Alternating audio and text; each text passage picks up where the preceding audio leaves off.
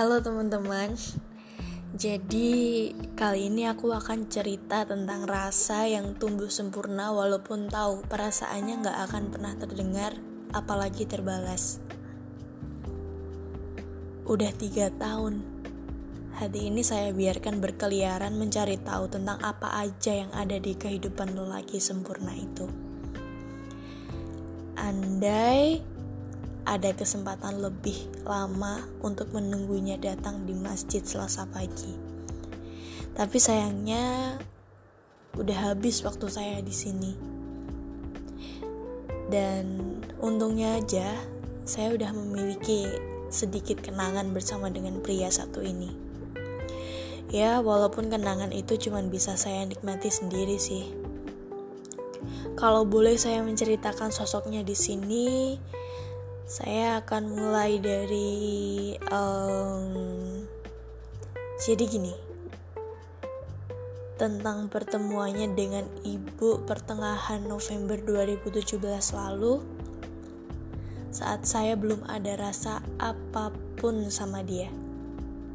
Saat dia miss call saya karena saya belum datang untuk menyelesaikan sesuatu memastikan saya sudah di perjalanan.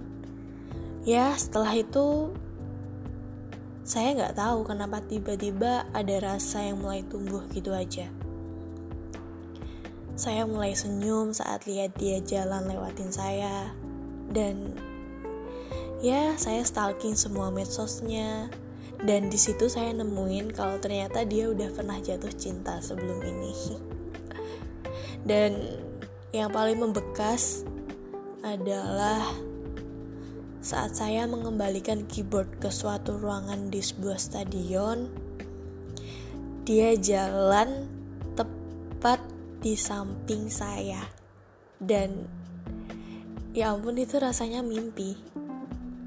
Iya, dia dia cuma jalan tepat di samping saya dan itu udah cukup buat bikin hati saya berantakan. Atau tentang dia duduk di samping saya saat hujan sore-sore di ruangan itu. Ya, dia tiba-tiba duduk aja gitu di samping saya. Mengejutkan banget. Atau tentang awal Desember tahun 2019 yang sangat menyenangkan untuk saya kenang sendirian tanpa dia sadari. Tentang acara dua hari penuh kenangan. Saya nggak akan ceritakan detailnya di sini sih, karena ya walaupun saya pengen berbagi sama teman-teman, tapi saya juga pengen kerahasiaan ini tetap terjaga. Intinya di acara itu banyak banget momen yang gak akan saya lupakan. Ya, walaupun saya yakin sekali dia bahkan lupa apakah saya ada di situ atau enggak. Tapi nggak apa-apa, dari mulai persiapan, hari H, dan hari setelahnya sangat menyenangkan.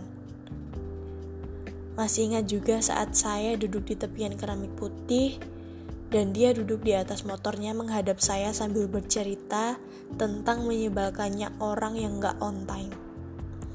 Saya memandangnya sambil ngebatin, kenapa bisa selucu ini sih kalau dia lagi marah?